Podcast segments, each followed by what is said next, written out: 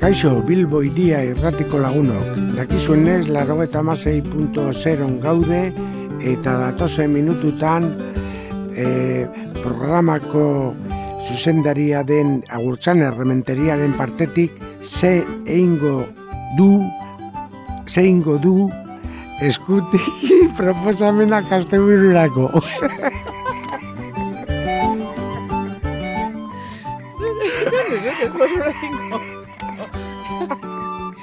Nire partetik, nire partetik zer. Nire partetik zer.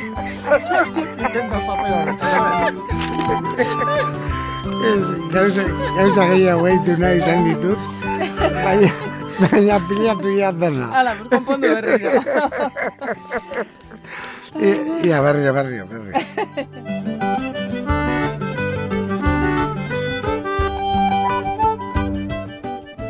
Kaixo ongi etorri Bilbo iria irratiko entzuleok. Ekainean eh, sartuta gaude, uda giroa, uda usaina hartzen eh, ari gara dagoeneko eta oporrak etorri bitartean, asteburu ez gozatzeko planak eta proposamenak ekarri dizkizuegu beti bezala. Larogeta puntu zero dialean gaude eta oraintxe hasiko gara astebururako proposamenekin hemen daukagu Leira Marika ere txerako lanak eginda eta prest. Pres, pres, nago agurtzane, hemen etorri naiz neube, bai, a ber, ibilbide, proposamen berezi, errezeta, disko, liburu eta agenda, kontatuko dizkizuegu, mm, laster barru. Eta sorpresatxoren bat ere badaukagulakoan, beraz, orain txasiko gara.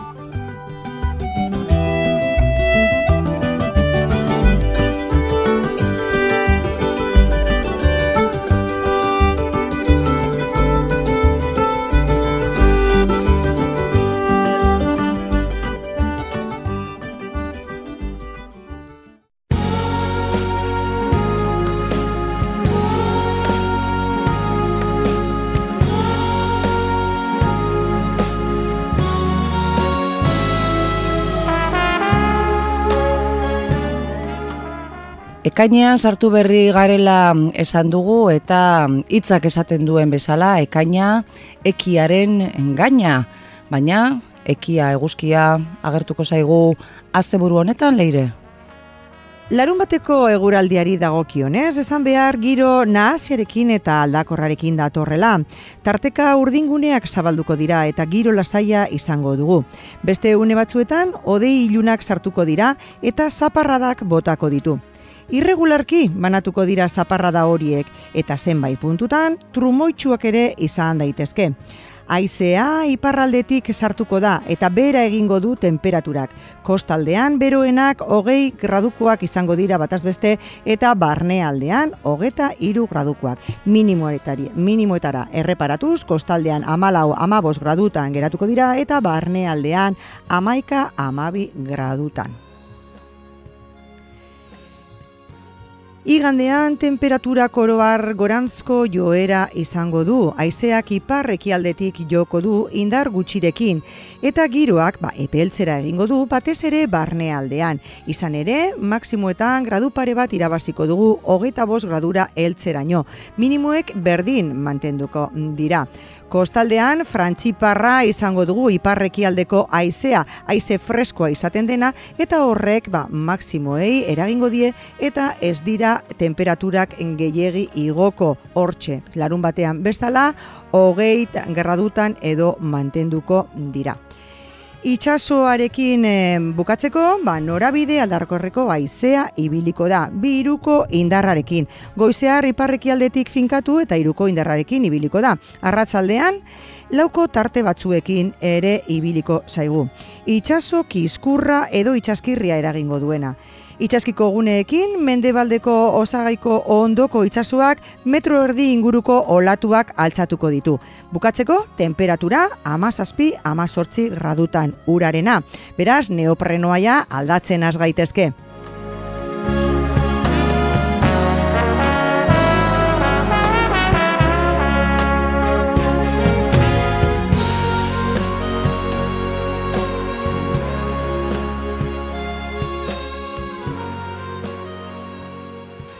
Beraz, neoprenoa kendu eta gordetzeko aukera ematen badigu eguraldiak, eh, ondo lehortu gogoratu, ba, Euskal Herrian beti behar izaten dugulako euriarako babesa, baina orain honetan behintzat, aukerak izango ditugu eguzkitan edo eguraldi aterralditxoetan ibiltzeko, eta nora joatea gomendatzen diguzu leire.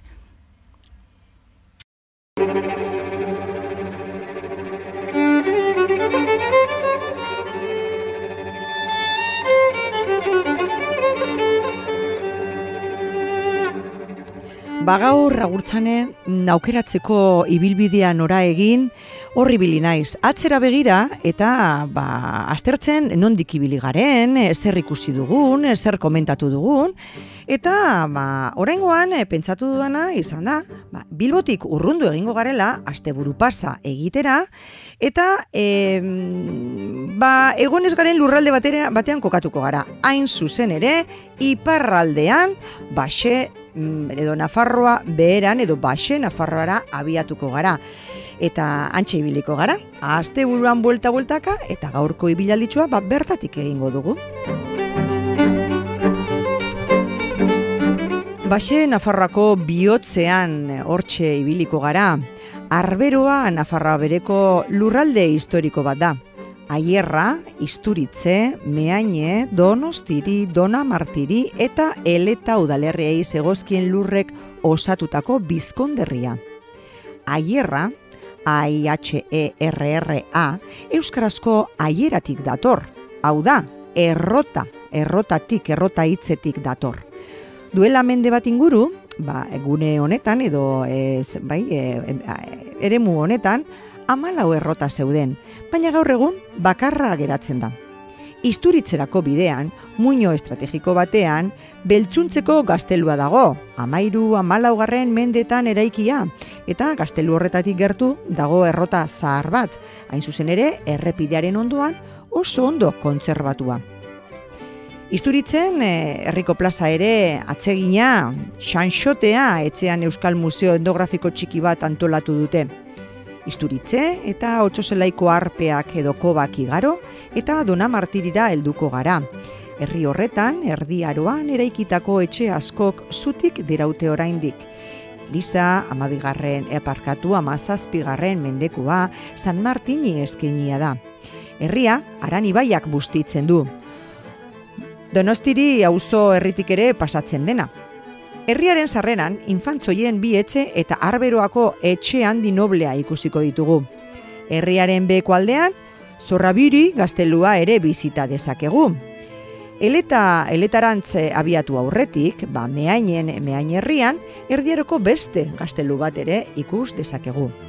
Eletan amaitzen da arberoako arana, baigura mendiaren oinean, Ba, hortik, esan dudan bezala, Nafarroa bereko bihotzean egingo dugu gaurko ibilbidea. Behin kokatuta nondik ibiliko garen, ba, hasiera emango diogu gaurko ibilbideari. Nondik hasiko gara? Ba, isturitz erritik hasiko gara. Isturitzen hasi eta isturitzen amaitu. E, ibilbide borobil bat izango da gaurkoa ere, bederatzi kilometro e, luze duena, eta bi ordu eta erdi gutxi gora behar izango ditugu ibilbide hori egiteko. Desnibelari dagokionez, ba, eunda larogei metrokoa gutxi gora bera. Isturitze, herriko plazan dagoen aparkalekuan utziko dugu ibilgailua. Eta Elizaren ondotik, oragarre aldera ateratzen den errepideari jarraituko diogu. Berehala ikusiko dugu, hogeita bigarren ibilbideari dagokion egurrezko seinalea. Ibilbide osoan, e, zidor horren marka horiak izango ditugu bidelagun gogoratu. Marka horiak. Etxe eta baserri artean beteko dugu lehen zatia, eta bidegurutze guztietan seinale ikaso eginez beti ba, gorantz joko dugu. Goi aldera iristean, zuzen jarraitu eta gaztain duen baso bat gure eskuinera utzita, bere ala helduko gara beste bidegurutze batera. Bidegurutze horretan, beste behin marka horiak lagunduko digute bidea aukeratzen. Han errepidea utzi eta oian burua baserri aldera zuzenduko gara. Bide erosoak, oragarreko iratze zelaiak zeharkatzen ditu, eta handik ikuspegi ederraz gozatzeko aukera izango dugu, ardiak eta behiak zelai berdeetan lasai bazkatzen diren bitartean. Piskanaka, mendigandorrean zehar berantz egingo dugu errekaldera. Beheko aldera iristean, egurrezko seinalea ikusiko dugu, eta bertan, 8 erreka idatzita iratzeen artean zabaltzen den bidetik zuzen zuzen jarraituko dugu. Esker eta eskuinetik ateratzen direna kalbo batera utzita. Ibilbidearen zati honetan markak ez dira agertzen eta kontu pixkatekin ibili behar da ez galtzeko. Gertu antzematen den erreka bilatuko dugu eta bertara iristean berriro ikusiko ditugu seinale horiak. Erreka zeharkatzeko behar bada, oinetakoak kendu beharko ditugu, baina kontu izan ezkero inguratu eta jauzi salto txiki bat eginez beste aldera pasaliteke. Eskuinetik aurrera jarraitu eta iratzen artean zabaltzen den bidetik igoko gara. Aldapa, hmm, aldapatxua eta motza da, baina bustita edo talokastuta badago bako ostata ibiliko gara. Bidea tarteka desitxuratu egiten da eta seinaleak ere desagertu, baina logika apurtxu bat erabiliz, bere lortuko dugu bide nagusia aurkitzea. Piskanaka, lehen galdu dugun desnibela irabaziko dugu, eta errepidera iristean, arnaza lasai hartzeko aukera ere izango dugu. Kilometro batez, errepidean zeharribili, eta gure eskerrera ateratzen den beste pista bat hartuko dugu. Egurrezko ataka gainditu, eta zahar berritu duten borda bikain batera iritsiko gara laster. Toki hori, inguru aproposa da, arberoako aranaia osorik ikusteko. Laure un metro inguru dituzten mendi muinoak dona martiri, donostiri, meaine herrien gaindi ageri dira. Eta haien magalean, pos baserri eta borda anitz barreiatuta. Ikuspegiaz gozatu bostean, metro batzuk atzera egin, eta bide seinalek eragusten diguten norabidean aurrera egingo dugu. Baserri baten ondora iristean, egurrezko eskailera batzuek esia gainditzen lagunduko digute eta igoeran erabili dugun ibilbidearekin bat egingo dugu. Handik herrira, pues hasieran hartu dugun errepidean zehar jaitsiko gara eta berriro izango gara isturitzeko herriko plazan. Horixe izan da gaurko bueltatxoa, atsegina, erraza egiteko, e, ostoporik ez, eta oso, mm, amaitu baino lehen, ba, aipatu dut hitz bat lehen ez dakit konturatu zareten arpea eta esan dut arpea alakoba. Orain dela gutxi, enteratu ginen, pues horretxe barrin, bai markina inguruan, atxurra deitzen diren e, kobasulo edo aitzulo batzuetan, e, ba, aspaldiko hainbat eta hainbat e, marrazki e, egindakoak eta topatu dituztela, bueno, ba, e, arberuako aran honetan ere, badaude hainbat e, aukera horrelakoak eta gainera turismoari prestatuak ere, toren kontatuko dizuet. Badona martiriko udalerrian hain zuzen ere, isturitze, otxoselaia eta ereberuako arpeak edo kobak edo aitzuloak daude. Europako paleolitoko santutegi garrantzitsunetako bat dira. Historia horreko aitzulo hauetan, ba, kristo horreko larogei bat, larogei bai, larogei bat mila urtetik, amabos mila urtera, ba, jendea bizi omen zen. Eta lehenengo, bikobak, ba, turismorako prestatuta daude, eta ba, batetik bestera artifizialki eraikitako eskilara batzuen bidez pasa daiteke. Hirugarrena berriz, ba, zientzialarientzat gordea dago eta ezin daiteke bertara sartu, baina aukera polita da. Isturitzeko koba punta-puntakoa omen da eta entxinako gizakiak egindako animalien marrazkiak ditu. Otso zelaikoan berriz, estalaktita eta estalagmitek sortutakoak oso ikusgarriak omen dira. Hango forma harrigarri bezain ederrek aho zabalik utziko gaituzte. Erreberuako koba, mila beratzen da irurogeita ama bostean aurkitu zuten eta izen bereko ibaiak zeharkatzen du. E, ba, hemendik e, beti dago aukera e, interneten bidez e, ba, ordutegien berri eta izateko, baina esan diezazueket, e, ekainetik, ja, ekainean sartuta gaudenez, ba, ekainetik irailera, egunero izaten direla bizita gidatuak, goizeko amaiketatik amabietara, eta ordubietatik bostetara. Beraz lagunok, aukera badaukazue, euskeraz, frantsesez, inglesez eta gaztelaniaz egiten dute bertan, bakobak ikusi, buelta bat eman, arberoako herri ezberdinetatik ibili, eta asteburu polita pasatzeko.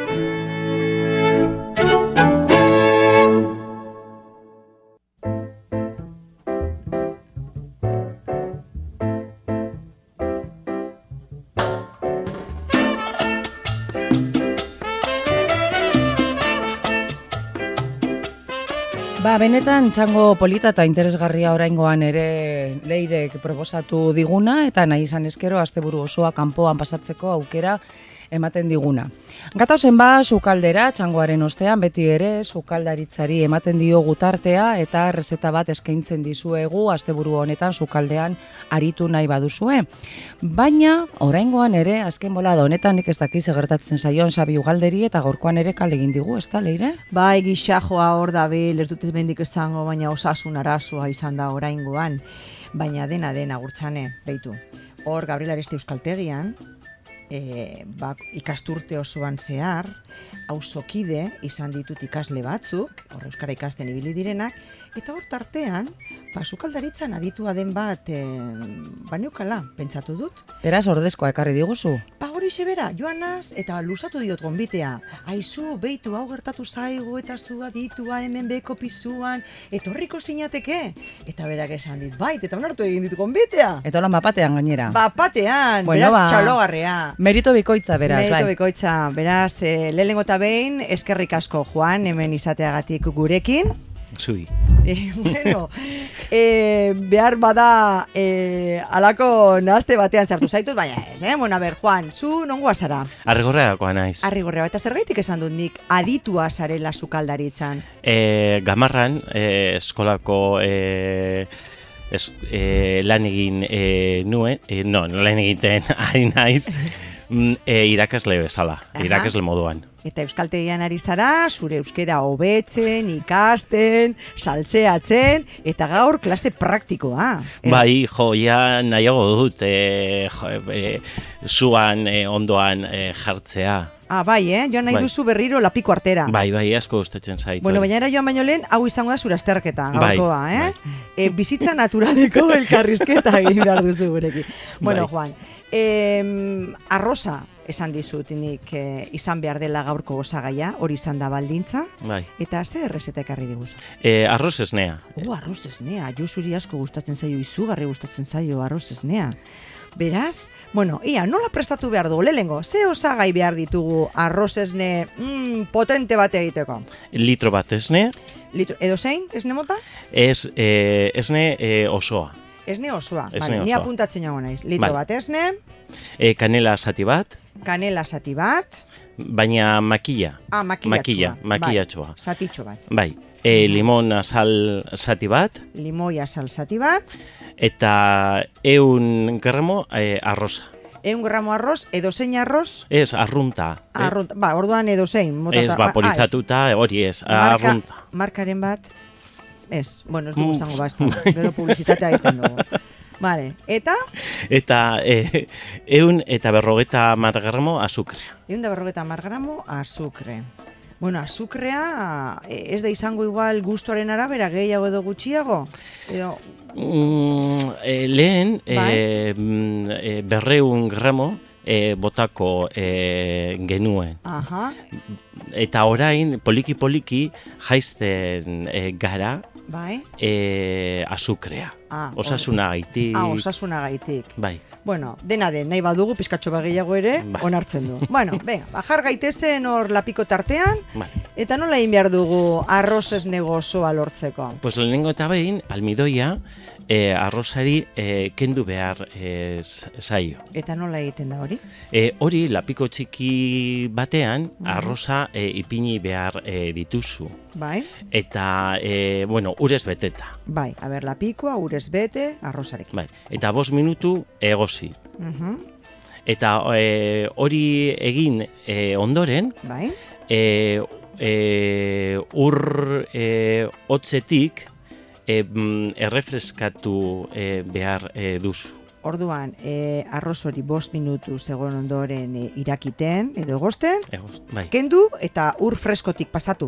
Hori arroza. da, bai. Vale. Orduan, arroza, arroz aleak freskatu egin behar ditugu. Freskatu, bai. Bai. Eta gero eskorritu, Eta gero ura kendu, xukatu. Ura kendu. Ederto. Eta Bai. albo batean utzi. bai. Vale. Eta e, bestalde, lapiko e, zutan jarri Mhm. eta e, bertan e, esnea, kanela eta limoia ipini behar e, dituzu. Vale. Esnea, kanela eta limoia lapikoan. Ederto. Bali, komenigarria da, hiru aldiz e, egostea. Mhm. Hiru aldiz, ergaitik? E, zaporea e, hartzea. Ah, hartzeko. Hartzeko, bai. Ederto.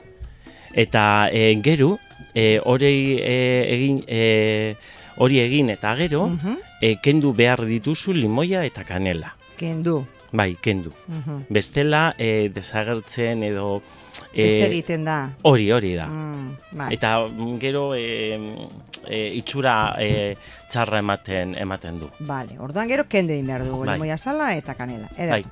Gero, e, a, e, arroza, Mhm. ez netan, e, bueno, e, bota e, behar e, dit, e, duzu. Ujú, Orduan guk hor izan dugun arroza, bai, egindako arroz hori almidura Bai. kendutako arroza, erantzi du bota egingo Bai. dugu esnetara. Bai, eta arroza bigundu arte Aha. itxaron behar e, dugu. Bigundu eta hori nola dakit nik? E, sakatu a, arroz e, hartu Arrozale bat? arrozale bat hartu behar e, duzu. Mhm. Eta mai gainean ipini, Bai, gaine. eta gero atzamarrekin e, zu, e, a, zu, Zure gana, zure ganatz e, arrastratu edo arrastaka eraman. arrastkata eraman. Aha, bai, Desagertu gainera. arte. Zelako kotxinada, eh? E, ez, ez. Hori da proba. Aberia berriro, ia ulertu dudan, eh? Orduan, hartu arrozalea, Vale.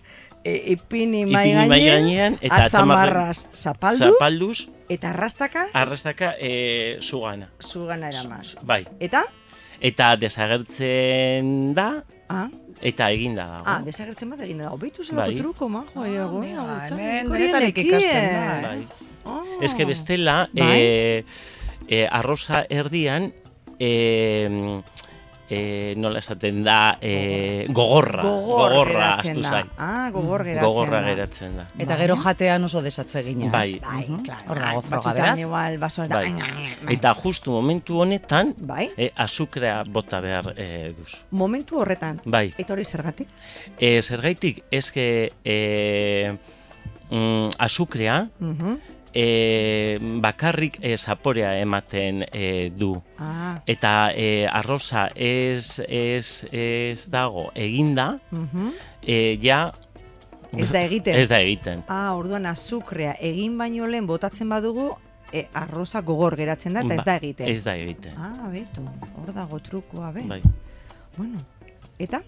Eta gero, e, zua maitatu, Mhm. eta e, mm, ontzi individuale, individualetan Bai, ipini behar e, dituzu. oso, ondo. Eta gainean, e, e, kanela utz, Hautza, hautza ipini behar e, dituzu. eta ja prest. Eta ja Mm. pres, bueno, e, gustatzen ba zaizu epela jatea, Bai, pues e, momentu hori e, komenigarria da. bestela fresko. Edo fresko. Bidetara be, ondo, sartzen den Bai. eh, postrea da, ez da gurtzen, eh? Bai, oso gozoa eta errez erreza egiteko, benetan. Ba, berak izan duen moduan mm, oso errez ikusten dut. Beraz, eh, igual datorren asterako egin beharko dugu.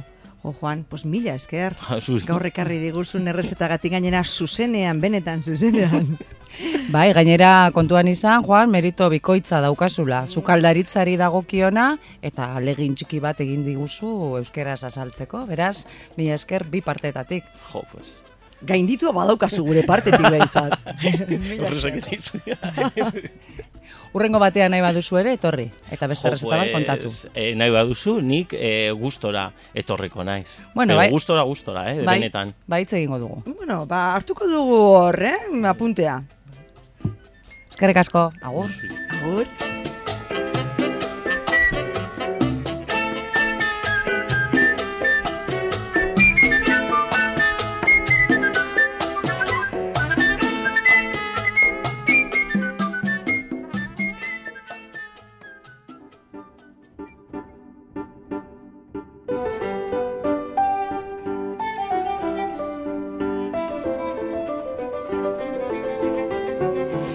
Bueno, eta asteburua iritsi zaigu eta aste osoko lan eh, karga gainditu dugulakoan asteburua patxadatsuago hartuta, beti tartetxo bat hartzeko aukera daukagu irakurtzeko eta lasai egoteko eta horretarako Xabierrek beti ekartzen digu liburu berri baten proposamena asteburuan al edo nahi izan eskero irakurtalditxo bat egiteko. Zerrekarri diguzu asteburuetarako Xabier?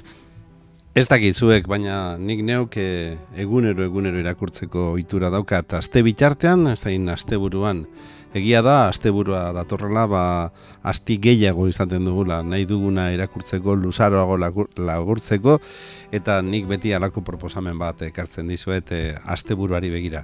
Orain honetan, elkarretxeak bidali digun beste liburu bat e, izenburua, gauzak ez ziren sekula berdinak izango.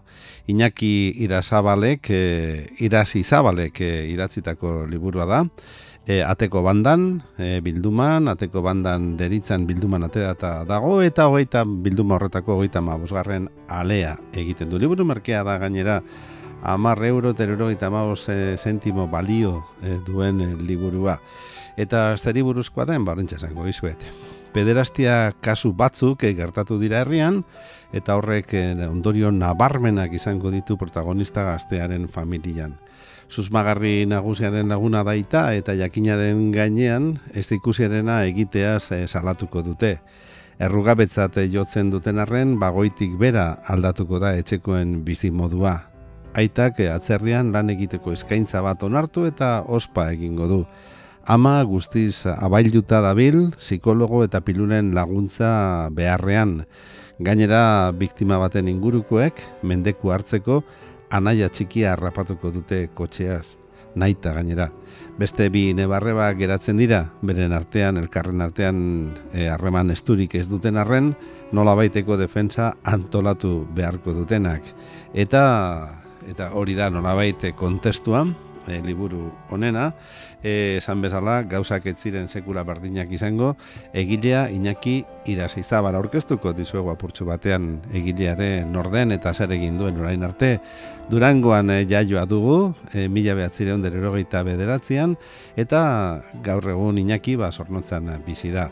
Kasetaritza eta soziologia ikasketak egin hasi zituen, baina industrian lan egin izan du gehien bat liburu ugari dauka eta hoien artean azpimarragarrienak, aipagarrienak agian ba burua txoriz beterik, Agustin Estubikarai novela laburren saria jaso zuen liburua gainera, Mendaroko txokolatea, gubezalako eroiak, igelak e, benetan hiltzen dira eta beste zenbait liburu ere argitaratuak ditu. Honako hau azkena gauzak ez ziren sekula berdinak izango. Pasarte bat irakurriko dizuet, bere idazkerari errepara diezaio zuen. Honela abiatzen da liburua. Urte batzuk eh, pasatu diren arren, urtero udazkeneko egun epelak bukatu eta neguko iparraizea kaleetan agertzen denean, buruaki ez egiten dit gure familia erabat aldatu zuen negu hartara. Egoera latzak bizitzea tokatu zitzaigun, eta gu ahalik eta ondoen erantzuten alegindu ginen, bidezkoa uste genuena egiten, baina horrek bakarrik ez ditu gauzak konpontzen. Besteen erabakiek gure bizitzak baldintzatzen dituzte. Gizakia talde zena duen animalia da, eta zeurea sentitzen duzun talde horretako kideen erabakiek eragina dute zure izaeran, batzuetan zuk hartzen dituzunek baino gehiago. Gerostik e, gertatu zaizkigun gauza guztiak, on eta txarrak, egun haietan gertatutakoaren ondorioa dira, seguru nago, hause da gure historioa eta apurtxu batean kontatzen hasten da. Bengoa atxilotu zutenean aitaren bila ere etorri ziren mundu guztiak zekien aitak behar izan e, zuenean haren laguntza onartu eta putzutik e, atera zela. Bengoaren izugarrikeriak eskolako futbol taldeetako umei eginak ziren eta aita ere eskolako entrenatzailea zen. Negua zen, hotz egiten zuen eta deno geunden eh, sukaldean noiz afalduko zain. Irratian entzun genuenean gutxienez hiru bortxak eta leporatzen zizkiotela bengoari denok begiratu genio naitari. Zurbil zegoen bera, begirada orman hiltzatuta. Handik ordu betera, ertzainak heldu eta aita eraman zuten eurekin. kalean sortzi amar bat lagun zeuden, txamarra lodietan bilduta gehienak, euren artean marmarka eta buruen inguruan lainotxoak sortzen hitz egitean. Gaueko amabietan itzuli zen aita, logeletatik irten ginen denok, baina ara ere etzen arrausi txikiena ere egon. Aitak ez zuen ez esan, begirada galdua zeukala igaro zen gure albotik, ikusiko ez bakintu ez dala. Logelan eskutatu eta amak ohera itzultzeko esan zigun. Horrela hasten da, bada, e, liburu hau, gauzak ez ziren sekula berdinak izango, Iñaki Irasizabalek idatzitakoa elkarretxeak beti bezain txukun argitera eman duena. Eta hause da lagunok, asteburu honetarako, asteburu honetan irakurtzen asteko egiten dizuegun proposamena. Datorren aster arte, bai.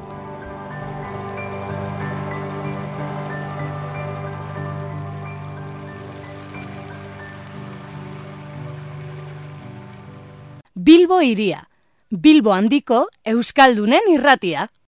Bueno, eta esan bezala, udagiroan eta eguraldionarekin bete-betean sartuta gaude, honek beti ematen digu musika zuzenean, kontzertuak, jaiak, nonai, gozatzeko aukera, baina, bueno, ba, disko berriak eta proposamen berriak erosi eta gozatzeko aukera ere beti dugu hor.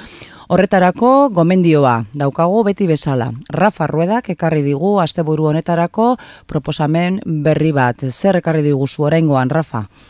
Aupa gurtzane, gaurkoan proposamen kainero batekin nator berriz ere. Badirudi asteburua aproposa dela alako musika estilorako eta oraingoa ez da salbuespena izango.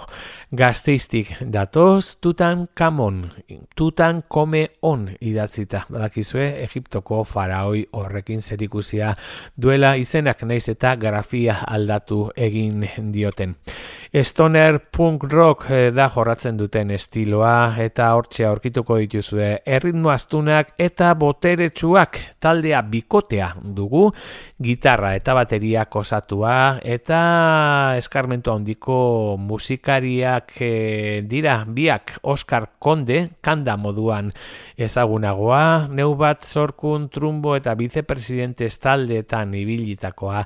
Eta Ibon Salterain aurretik ere bronze talde aldean ikusi alizan duguna.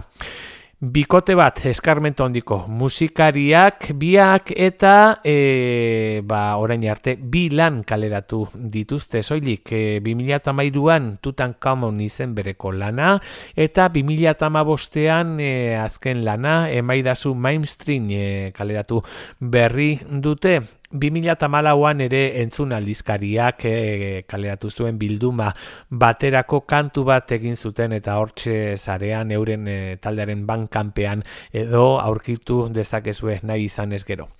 Tarte ontara ekartzaren arrazoia, ba, larun batean duten kontzertu bat da, e, gazteizen jotzen dute, gazteizko gaztetxearen urte arira, e, antolatzen ari dira ba, kontzertu batzuk, eta aste hontan tutan kamon eta anestesiari tokatzen zaio.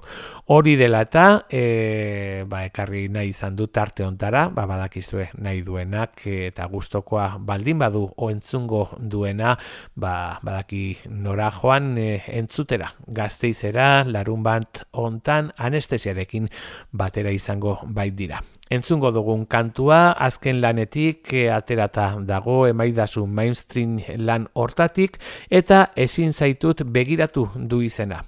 Hau esek dira, tutan kamon eta badakizue, kaina!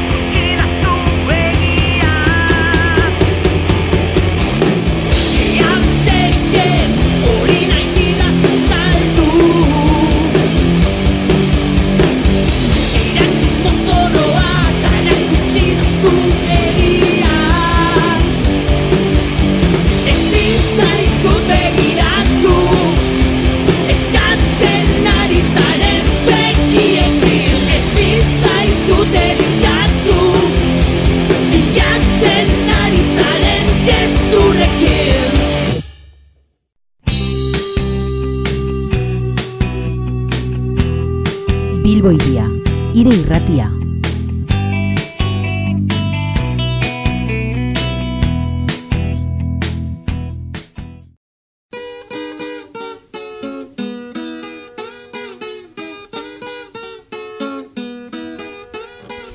Proposamen bereziaren txanda llegatu zaigu eta asteburu honetarako larun baterako plana eskaini nahi dizuegu. Izan ere, larun batean, hilak lau eta Bilbon bertan, San, Franci- San Francisco hausoko Mariaren bihotza enparantzan, munduko arrozen amairugarren ekitaldia ospatuko baita.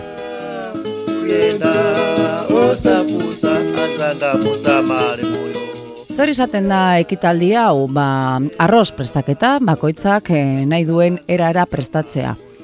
Izan ere, arroza, e, oriza zatiba izeneko landarearen hasia da, eta oinarrizko elikagaia kontsideratuta dagoen eh, laborea da.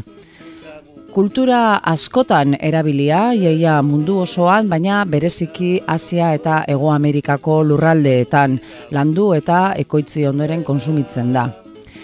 Munduko bigarren eh, laborea da, e, artoaren atzetik, eta e, giza elikaduraren e, gai garrantzitsuenetakoa eta oinarrizkoena kontsideratua dago mundu osoan. Kaloria emale e, oso garrantzitsua eta munduan ba, bosten bat e, osatzen duena. Hau da, munduan e, kontsumitzen den kaloria kopuruen kopuru guztia kontuan hartuta, bosten bat arrosak asetzen du. Arrozain garrantzitsua da, non adibidez 2008 garren urtetik, ba, zenbait herrialdeetan, Bangladesh eta Kanboian adibidez, razionamentua ipini behar izan zuten arrozaren e, garestitzeagatik.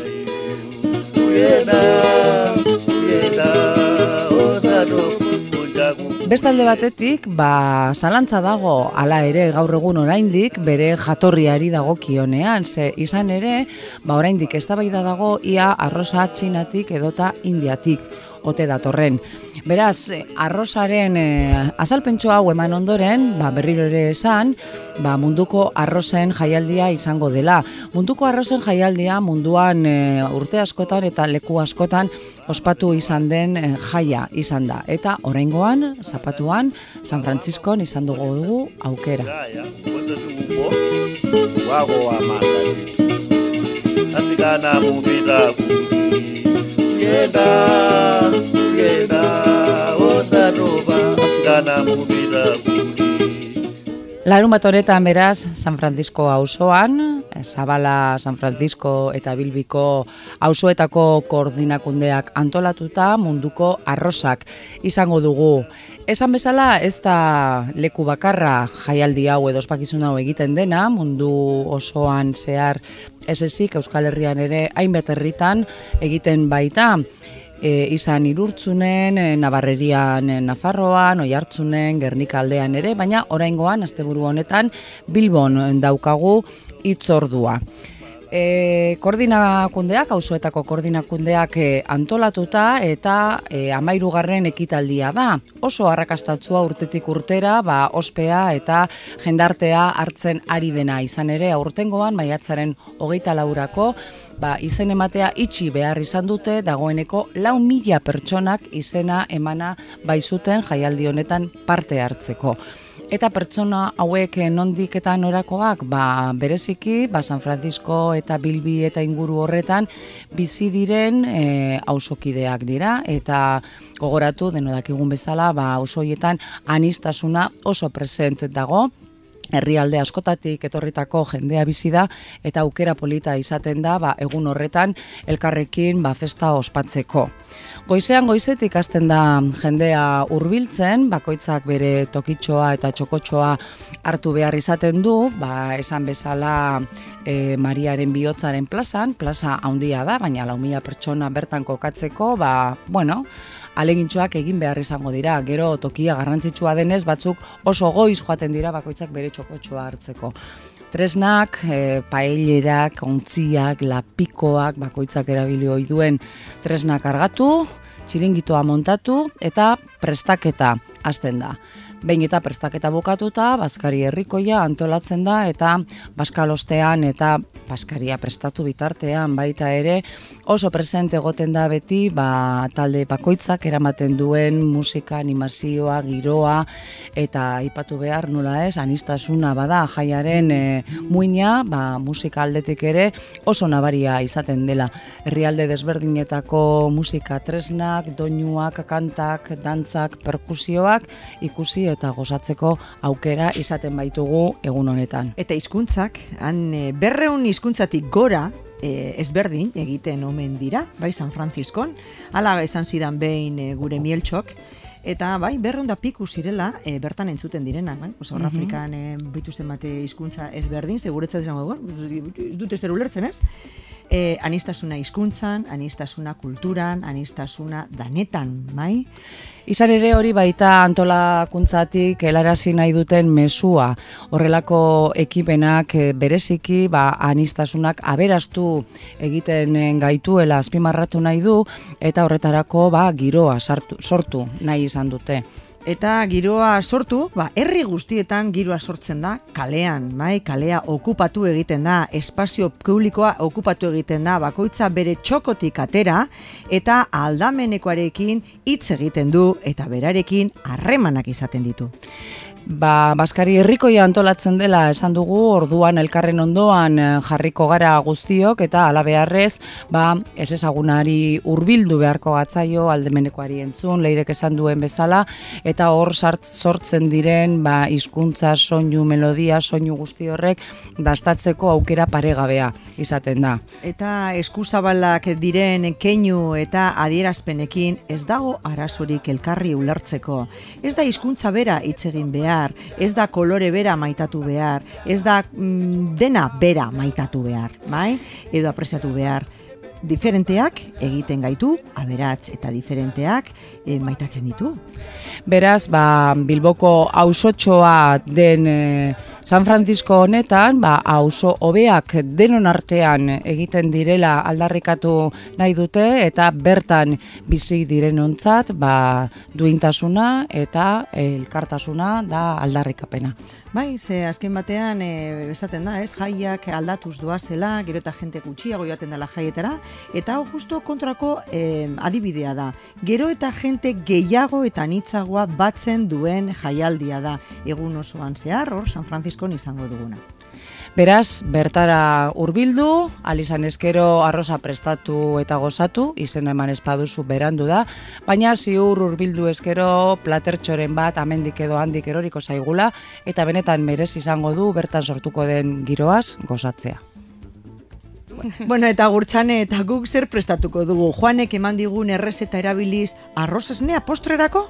Bueno, ba ez da ideia txarra, postrea besapean dugulari joango gara, eta trukean norbaitek lehengo platera ematen badigu guk postre eskeniko dugu. Hori xebera ingo dugu orduan. Jaba,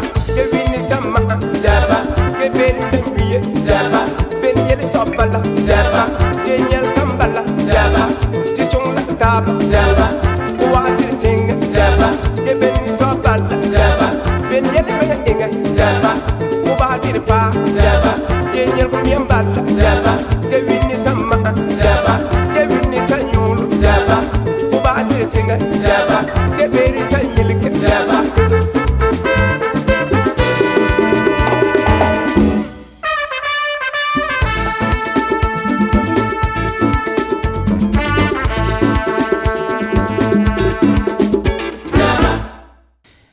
Bueno, eta bukatze alderagoaz eta bukatzeko beti bezala asteburu honetarako proposamen edo agenda zehatza emango dizuegu.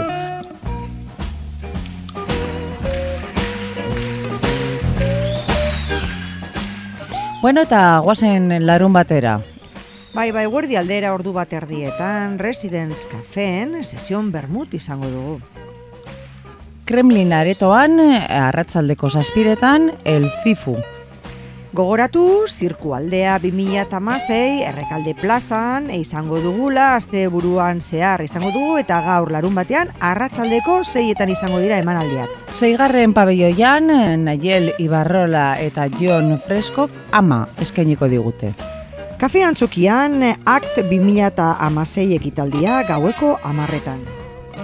Eta gaueko amarretan baita barkatu ez, goizean, goizeko amarretan e, maiatzeko rastroa izango dugu, ba, 2 de maio kalean Bilbon.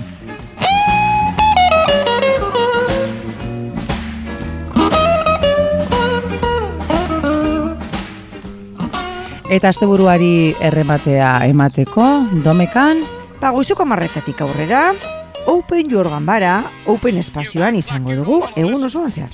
Motorzaleek zita daukate e, Merkado Motero izenpean e, garabia pabilloian goizeko amaika terdietan. Eta gogoratu, zirkualdea, ostiralean hasi zena, ba, gaur amaitu egingo dela, errekalde plazan hainbat emankizun emango dituztelarik arratzaldeko zeiak aldera. I'll drink if I wanna play a little poker too. I don't